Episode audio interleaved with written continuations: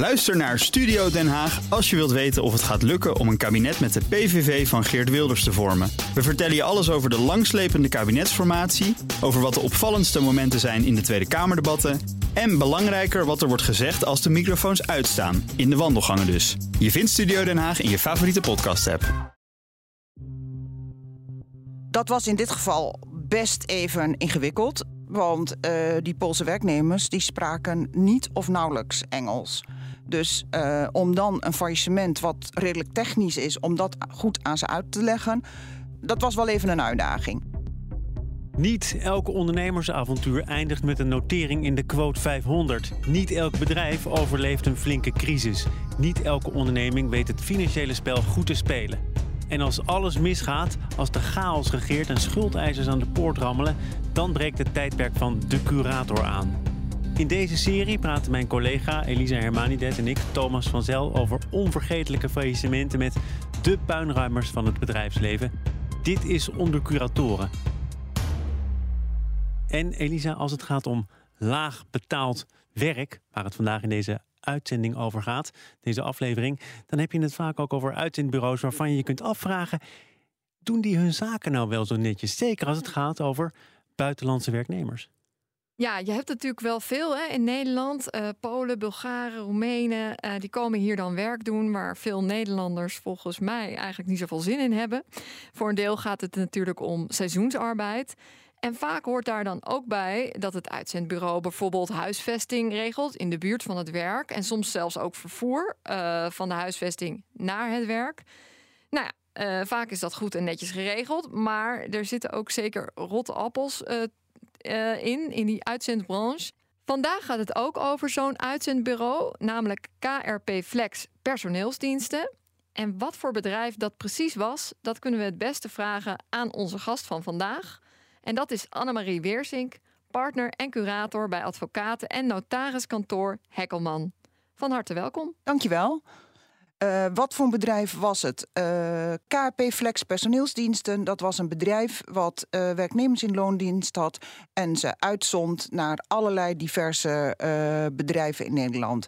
De werknemers die waren in hoofdzaak uit, afkomstig uit de voormalige Oostbloklanden en met name uit Polen. En die Poolse werknemers, ja. wat deden die dan zoal? Die Poolse werknemers die werkten op in allerhande bedrijven, onder andere bij een bedrijf in Dronten, Freshcar, die groenten verwerkten tot salades en fruit mixten. Um, ze waren werkzaam bij, uh, bij Blokker. Ze waren werkzaam in de gevolgte-industrie. Maar ze waren ook werkzaam bij de macro met, om uh, de kerstpakketten samen te stellen. Oh ja, dat is dus de typische seizoensarbeid. Ja, de, de macro wel. De andere, dat was gewoon dat waren werkzaamheden die het hele jaar doorgingen. En als je dan, hè, wat uh, Elisa al aangeeft, uh, kijkt naar de verantwoordelijkheden van het bedrijf. Werk als één, een bed, een dak boven je hoofd? Ja. Zat dat er ook bij? Dat zat er ook allemaal bij. Zij hadden de huisvesting voor hun werknemers allemaal netjes geregeld. Uh, voor een aantal werknemers die bij diverse opdrachtgevers werkten, was het samengebundeld in een enkele plaatsen. En uh, die werden daar samen ondergebracht. En uh, voor Freshcare, wat een grote opdrachtgever was, hadden ze huisvesting in Dronten gevonden. En daar konden de werknemers met de fiets op en neer. En die fiets eh, was ook uh, verzorgd door KRP Flex personeelsdiensten. Ja. Secundaire ja. arbeidsvoorwaarden. Je moet op de fiets neerwerken kunnen, begrijp ik. Dat zou wel duurzaam zijn, ja. In juni 2019 kwam jij voor het eerst in aanraking met dit bedrijf. Ja. Um, hoe ging dat? Nou, ik werd uh, gebeld door, uh, door, de recht, of door de rechtbank Gelderland. En ze zeiden dat ze een faillissement hadden. En of, ik daarin, of ze mij daarin konden aanstellen. Normaal gesproken is het dan zo dat je uh, altijd op kantoor een conflictcheck uitvoert. om te kijken of jij niet zelf in het verleden of kantoorgenoten van jou betrokken zijn geweest bij het bedrijf. Maar als dat zo niet, als dat allemaal niet is, sta je vrij en kun je het faillissement aannemen. Nou zit mijn kantoor in Nijmegen. Dit was in Tiel, dus de kans dat je daar meteen betrekking bij hebt, is niet zo heel groot. En ja, wat, wat ga je dan doen als curator? Ga je meteen inlezen? als eerste, want je hebt helemaal niets. Het enige wat je hebt op dat moment is uittreksels uit de Kamer van Koophandel. Dan heb je een beetje idee wat het is. En de informatie die je via de rechtbank uh, krijgt. Stukken beschik je nog niet over. Maar wel een telefoonnummer van de bestuurder. En uh, die ga je bellen. En daar maak je onmiddellijk een afspraak mee. En het liefst hangt een beetje af van tijdstip van de dag. Ga je dezelfde middag nog naartoe om een eerste bespreking te hebben en om eens te informeren van ja, wat is hier nu gebeurd? Hoe is het zo gekomen dat, er, dat het failliet is gegaan? En wat speelt hier allemaal? En dan probeer je ook wat informatie mee te nemen, zodat je je kunt inlezen diezelfde avond nog. En je ziet vaak dat er eerst een uitstel van betaling is. Dat was hier niet. Nou, dat komt sporadisch voor dat ze eerst een surseance van betaling uh, aanvragen. Het is uh, merendeel uh, van de insolventies die uitgesproken zijn, dat zijn onmiddellijk faillissementen. Het, je ziet het tegenwoordig soms wat meer, omdat mensen dan even de tijd hebben om een plan te bedenken. maar vooral in het verleden was, was het vaak snel een faillissement. En ja, jij hebt toen die bestuurder aan de lijn gekregen. Ja. Wat zei hij? Ja, hij had zelf het faillissement. Het was een eigen aangifte faillissement. Dus hij, het, het overviel hem niet. En uh, hij zei, nou, fijn dat er een curator uh, aangesteld is. Omdat hij zelf zei, het kon niet verder. En toen ben ik uh, naar hem toe. En toen heb ik meteen de afspraak met hem gemaakt. Komt dat vaker voor of niet? Ja, dat komt vaker voor. Ja. En in dit geval uh, had het ook mee te maken dat uh, de Belastingdienst gedreigd had met uh, beslaglegging onder de grootste opdrachtgevers van het bedrijf. En dan betekent het natuurlijk dat het bedrijf dan helemaal meteen lam ligt, omdat die opdrachtgevers niet meer betalen. De werknemers kunnen niet betaald worden. En dit was weekloon. Dus als die werknemers op vrijdag hun salaris niet krijgen, geven ze, gaan ze maandag niet meer aan het werk.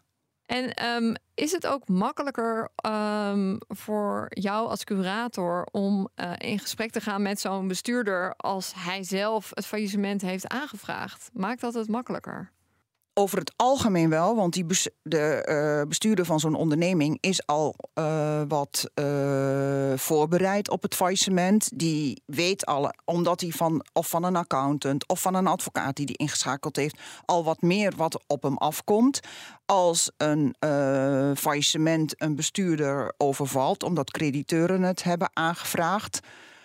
En vooral als ze uh, er niet heel alert op zijn geweest, ja, dan heb je eerst nog wel wat uit te leggen wat een faillissement eigenlijk voor ze inhoudt en welke regels er op dat moment gaan gelden. Kon je toen al snel erachter komen wat er eigenlijk mis was gegaan met uh, KRP Flex personeelsdiensten? Uh, nou, wat, er mis, wat de oorzaak is van het faillissement, dat vraag je natuurlijk meteen aan de bestuurder. Ja, je vraagt eerst wat is de geschiedenis van het bedrijf, om even wat informatie te krijgen. Maar dan uh, vraag je wel aan de bestuurder, wat denkt u nu dat de oorzaak van dit faillissement is? En in dit geval gaf de bestuurder aan dat die belastingsschulden in het verleden heel erg waren opgelopen. Dat hij een betalingsregeling met de Belastingdienst had uh, geregeld, maar dat hij die niet kon nakomen. En de dreiging van die beslaglegging onder die opdrachtgevers. En dat was de oorzaak. De aanleiding maar van het faillissement. Hoe is die belastingsschuld dan zo de hoogte ingegaan dat dat niet meer te dragen was? Want dat komt er eigenlijk op neer dat hij blijkbaar geld aan andere zaken heeft uitgegeven, meer dan verantwoord was. Ja, dat, had wel meerderlei oorzaken. Een van die oorzaken was dat die winstmarges erg uh, gering was, waardoor die eigenlijk uh, niet al zijn verplicht, aan al zijn verplichtingen in de loop der jaren kon voldoen. En daarnaast was in het verleden. Uh, had hij zijn, waren de algemene kosten en de marketingkosten wel behoorlijk hoog geweest. En waar moet ik dan aan denken bij marketingkosten? Marketingkosten, vooral uh, sponsoring, in de buurt, uh, in de omgeving waar hij verbleef, in de buurt van, uh, van Tiel. Uh, dat, vond hij, dat vond hij belangrijk. Als mensen een beroep op hem deden, wilde hij daar graag aan voldoen. Maar moet ik dan denken aan de lokale voetbalvereniging? Lokale voetbalvereniging en allerlei andere sportclubs. Want op, ja, als mensen weten van daar zijn ze wel bereid om te ondersteunen, ja, dan lopen ze er makkelijk naartoe. Oké, en ja. hij had daar wel, uh, ja, hij, hij had daar ogen om dat snel te doen. Misschien een beetje te snel. Hij was daar makkelijk in. Ja. ja. Ehm, en, en marketingkosten, eh, dat vooral? Of eh, zijn er ook nog andere uh, manieren waarop je misschien te veel daaraan uitgaf? Um, ja, hij had, zelf, hij, ha, hij had ook één. Een onderdeel van zijn marketingkosten was ook dat hij van snelle auto's hield. Aha. En uh, op die manier, uh, en hij deed wel eens aan rallies mee. En dat was natuurlijk ook een vrij dure hobby slash marketingactiviteit. Want hij gebruikte dat natuurlijk wel als marketingtool. Waar andere uh, mensen ook waren die weer zijn potentiële opdrachtgevers konden zijn. Ja, precies. Maar dat werden ze natuurlijk niet altijd, denk ik dan. Dat is nooit 100 procent. Um, hij maakte ook gebruik van een regeling uh, die ook wel wordt genoemd lage inkomensvoordeel. Mm -hmm. uh, dat is een regeling van de overheid. Kan je uitleggen wat dat voor regeling is en hoe hij daar gebruik van maakte? Ja, uh, de wet lage inkomen, of het, de WT noemt ook, heet ook wel in de vergaarbak de WTL, de wet tegemoetkoming uh, loonkosten. en dat is een regeling die het UWV uitvoert.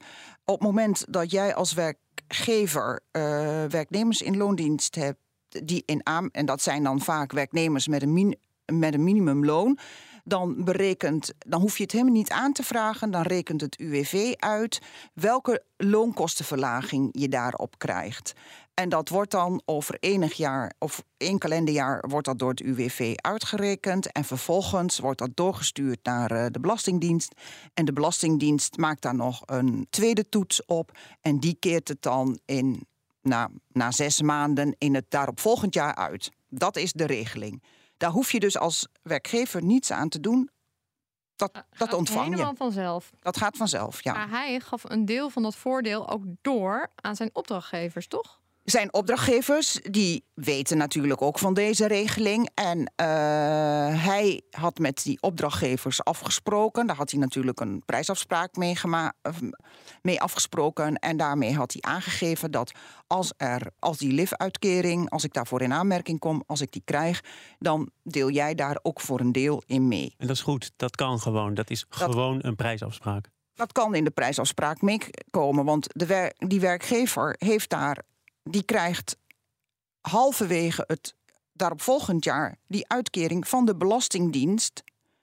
Ja, die, mag, die, mag, dat eigenlijk vrij besteden. Het is en niet die zo kan dat, dat vrij. En die kan dat dan weer vrij besteden. Dit vindt de overheid gewoon prima dat je, dat, dat je dit zo doet. Dat, uh, die la, dat is om de loonkosten te verminderen, waardoor je ruimte hebt om, om afspraken te maken met die opdrachtgever. Want wellicht als hij dat niet had gedaan, had hij die opdrachtgever niet gekregen. En had hij die mensen niet te werk kunnen stellen? Ja, dan uh, heb je een faillissement met heel veel Polen, Poolse werknemers. Daar moet je natuurlijk nog wat mee, want ja. die moet je natuurlijk uitleggen wat er aan de hand is. Hoe pak je dat aan als curator? Dat was in dit geval best even ingewikkeld, want uh, die Poolse werknemers die spraken niet of nauwelijks Engels.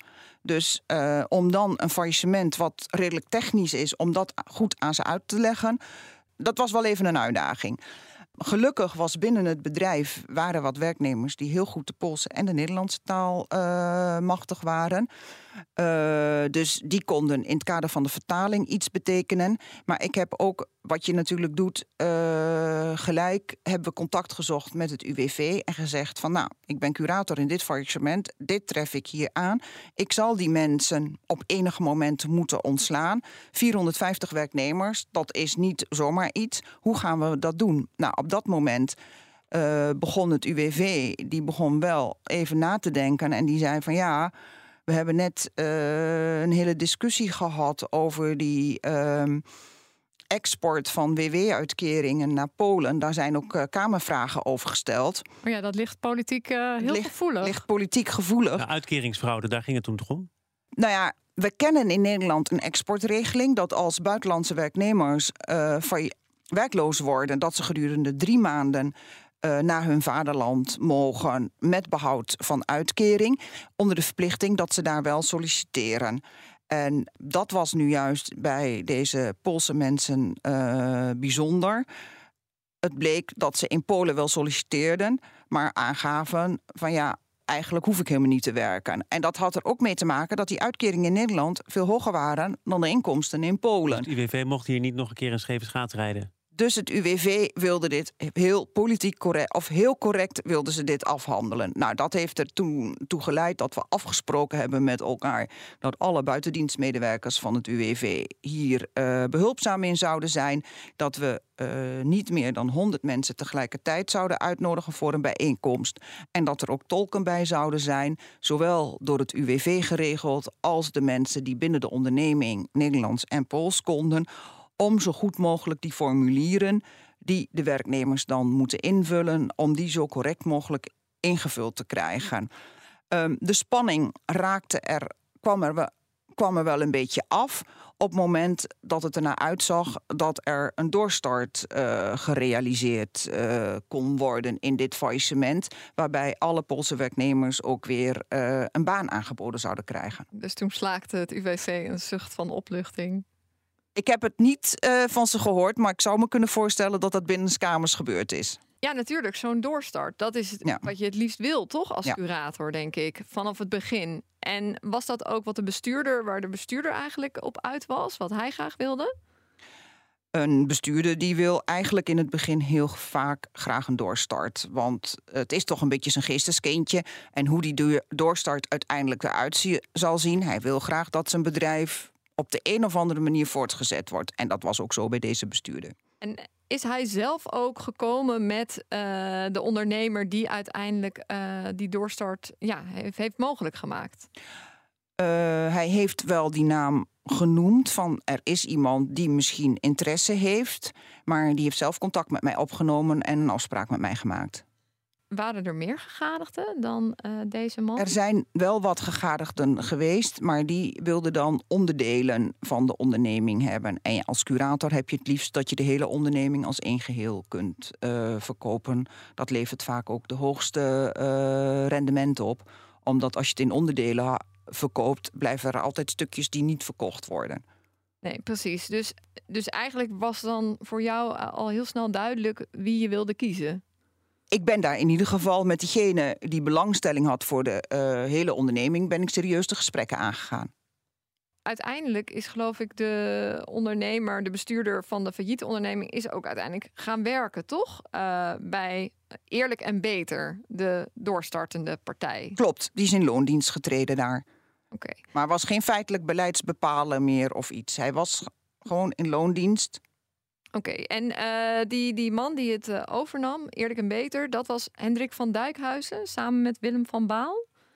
Uh, Hendrik van Dijkhuizen, die had de aandelen, die kocht de aandelen. Oké, okay. ja, toen had je die deal hè, met eerlijk mm -hmm. en beter, maar op het laatste moment um, bleek dus, nou ja, dat hele verhaal van die lage inkomens, van het lage inkomensvoordeel. En dat, dat, dat wist meneer van Dijkhuizen niet.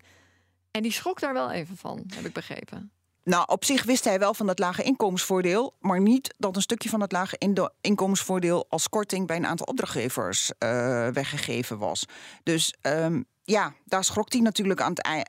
Toen hadden we eigenlijk de deal als partijen hadden we rond. En ja, toen zag hij dat en toen wilde hij eigenlijk, zou hij eigenlijk wel een beetje terug willen onderhandelen. Maar toen heb ik gezegd, nee, dat gaan we nu hij niet wilde, doen. denk ik dan uh, een lagere prijs betalen? Hij wou iets van de prijs. Hij wou, een, hij wou een wat lagere prijs betalen. En waarom, waarom ben jij toen toch uh, onverbiddelijk geweest? Heb je je poot stijf gehouden en gezegd, dat doen we niet? Want het verandert natuurlijk iets aan wat hij denkt te kunnen verdienen uiteindelijk met dat bedrijf als hij het voordeel moet delen met zijn klanten. Klopt, maar we hebben in alle openheid hebben onderhandeld met elkaar. Hij mocht alle administratie zien, hij mocht alles zien om voor zichzelf tot een goede prijs te komen. En, uh, Had hij maar beter moeten opletten. Dat was het hem waard. Ja. Op dat moment. En later kwam hij daarachter. Ja, dat had hij dan niet eerder moeten zien. In de tussentijd uh, is het bedrijf gewoon doorgedraaid. Hoe, hoe doe je dat als curator? Um, ja, we hebben. Dat was natuurlijk. Omdat deze meneer er vrij ja, nieuw in kwam. Want dat faillissement vanwege die aanzegging van de beslaglegging van de Belastingdienst is het eigenlijk wel in een pressure cooker gekomen. Die meneer had ook tijd nodig om het allemaal uh, door te nemen. Wat ga ik kopen? En die wilde wat onderzoek doen. Die tijd hebben we hem uh, gegund. En hebben gezegd van ja, dan, draai, dan zetten wij dit bedrijf voort mits er uh, voldoende geld komt dat we de lopende verplichtingen tijdens die periode allemaal kunnen betalen. Nou, dat was met name overleg met de grootste opdrachtgevers en gezegd van ja, als jullie, wij willen wel voortzetten, zodat jullie ook niet in één keer uh, zonder werknemers komen en jullie bedrijfsexploitatie ook stil komt te liggen, moet je wekelijks netjes je uh, betaling verrichten voor het werk wat wij verricht hebben. Het ging in totaal uh, om zo'n 400 werknemers. ging in totaal om 400 werknemers, ja. Ja, en, en maar ook om die huisvesting natuurlijk. Ook op die huisvesting. Dus je moet eigenlijk dat helemaal. Dat hele pakket moet je regelen. Maar die huisvesting, dat was voor de maand juni nog betaald. En het is 11 juni failliet gegaan. Dus uh, die verhuurders wilden voor de maand juni die mensen wel huisvesten. En daarnaast waren de waarborgsommen betaald. Dus die zagen voor die korte termijn dat wij, die paar weken dat wij wilden voortzetten, dat zij een huur gegarandeerd hadden. Uh, vervolgens uh, nou, heb je die doorstart bewerkstelligd. Maar je ja. moet sowieso natuurlijk nog het hele faillissement afwikkelen. Ja. Hoe heb je dat verder gedaan? Want er waren dus ook een paar uh, dure auto's zaten in de boedel. Klopt, er zaten, wat, er zaten meerdere leaseauto's zaten in de boedel. Want we hebben het er net over gehad dat er de werknemers die in Dronten gehuisvest waren, die gingen met de fiets naar hun werkplek. Maar er waren ook mensen in Tiel of in de omgeving van Tiel gehuisvest die wat verder moesten. Daar waren leaseauto's uh, voor geregeld. Nou, die zijn teruggegaan naar de uh, leasemaatschappij. Maar er waren ook op het kantoor zelf door een aantal mensen uh, leaseauto's ter beschikking gesteld, waaronder aan de bestuurder en zijn echtgenoten. En dat waren Audi's. En die waren financial geleased. Dat is dus eigenlijk een soort geld in de vorm van een soort geldlening. Ja. Nou, ik heb die waarde van die auto's laten taxeren. Toen heb ik met de leasemaatschappij kunnen afspreken dat zij het uh, geld wat nog open stond, dat ze dat van mij ontvingen. En toen heb ik die wagens, die twee auto's, kunnen verkopen aan een, uh, aan een autodealer. En dat, dat, dat waren wel de modelletjes, begrijp ik, hè? Uh, dat waren uh, zogenaamd, ja, ik heb weinig verstand van auto's, maar dat waren zogenaamde RS-modellen. En dat schijnt binnen de Audi-modellen uh, schijnt dat vrij luxe auto's te zijn. En met name de auto waar de bestuurder in reden, dat was een bijzonder, dat was een bijzonder model. En, en heb je daar ook nog uh, winst op gemaakt? Want je ja. hebt die afkoopsom en je hebt het verkocht aan een autodealer. Dus dan wil ja, je natuurlijk daar zat ook een, uh, de, de, auto van uh, de echtgenoten. Daar hebben we, was een wat kleinere, was een RS3. Daar hebben we voor de boedel een mooi bedrag voor weten te bereiken. De auto van de bestuurder, dat was een RS7. Dat is een minder, dat, dat is profijtelijk voor de boedel geweest, maar minder groot dan de andere. En hoe is uiteindelijk het geld verdeeld? Want ik heb begrepen dat de bank wel uh, al vrij snel genoeg geld terug had gekregen om te zeggen: Nou, uh, wij zijn klaar hier. Maar hoe is de rest uh, gegaan? Ja. Nou, de bank die had zekerheidsrechten, die hadden zogenaamde verpanding van debiteuren. Dus dat betekende dat zij zich mochten verhalen op de debiteuren. Dus de, al het geld wat de debiteuren binnenbrachten, dat ging direct naar. Ja. Meen de Rabobank was het? Rabobank was het, ja. Nou, die waren er, waren, er zat nog een redelijke debiteurenportefeuille in. Een niet te oude van voordatum faillissement. En die, en die opdrachtgevers betaalden ook netjes. Dus de Rabobank was binnen enkele weken... hadden zij hun uh, debetsaldo aangezuiverd. En daarmee was uh, de bank uit het, uit het spel, om het zo maar te zeggen. Nou, toen hebben we natuurlijk een aantal kosten moeten maken uh, vanwege die voortzetting. Want we hebben een aantal weken die werknemers moeten betalen. Dat waren vrij hoge posten. Uh, we moesten de huur betalen of een stukje gebruiksvergoeding betalen voor het gebruik van het kantoorpand. Nou, zo komen er allerlei kosten komen er zo bij. En het UWV die heeft uh, een stukje uh, salaris overgenomen over de opzegtermijn van de werknemers. En dat is ook een vordering die hoog in rang is. En die hebben we ook moeten voldoen. En toen resteerde er nog een groot bedrag en dat is naar de Belastingdienst gegaan. Dus de gewone schuldeisers die hebben niks meer gekregen? De concurrentencrediteuren, dat klopt. Ja. Die hebben geen geld meer gekregen. We hebben nog heel even gekeken hoe het daarna is gegaan met Ilko Becker. Hij ja. had een bedrijf genaamd Solutions for You. Maar toevallig is dat op 10 juli dit jaar ook failliet gegaan. Ben je verrast daardoor? Ja, dit is nieuw voor mij. En wat ik mij afvroeg, hè, want ik dacht zo van eigenlijk dit bedrijf ja, dat verdiende eigenlijk genoeg geld. Hè? Dus het, er was niet. Um, eh, als je zo er, nou ja, hè, de, misschien wat oppervlakkig naar kijkt, dan denk je: dit bedrijf dat zou gewoon op een goede manier moeten kunnen draaien. Als je niet al te gekke uitgaven doet en als je netjes uh, iedereen op, op tijd betaalt, inclusief de Belastingdienst. Heb jij nou niet het gevoel dat jij een beetje iemand anders rotzooi hebt opgeruimd, zodat iemand anders er weer mee verder kan? Nou, dat gevoel heb ik niet. Ja, het is zoals het is. Het is een faillissement. faillissement moet afgewikkeld worden. De toestand die je aantreft, die wikkel je af. En dat is het einde van het verhaal. En wat ik hier wel een gelukkige omstandigheid vind, is dat het bedrijf heeft een doorstart gemaakt. En uh, de doorstartende onderneming, die uh, bestaat nog steeds. Dankjewel. Annemarie Weersink, partner en curator bij advocaten en notariskantoor Hekkelman. Dit was Onder Curatoren. Wil je meer gesprekken horen met de puinruimers van het bedrijfsleven? Abonneer je dan via jouw eigen podcastkanaal of via de app van BNR.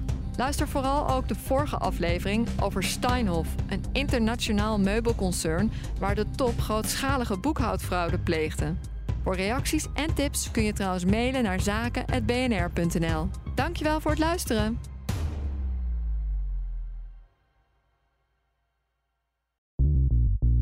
BNR ben je altijd als eerste op de hoogte van het laatste nieuws. Luister dagelijks live via internet. Bas van Werven. En heel langzaam komt de zon op rond dit tijdstip. Je krijgt inzicht in de dag die komt op BNR, het Binnenhof in Nederland en de rest van de wereld. De Ochtendspits. Voor de beste start van je werkdag. Blijf scherp en mis niets.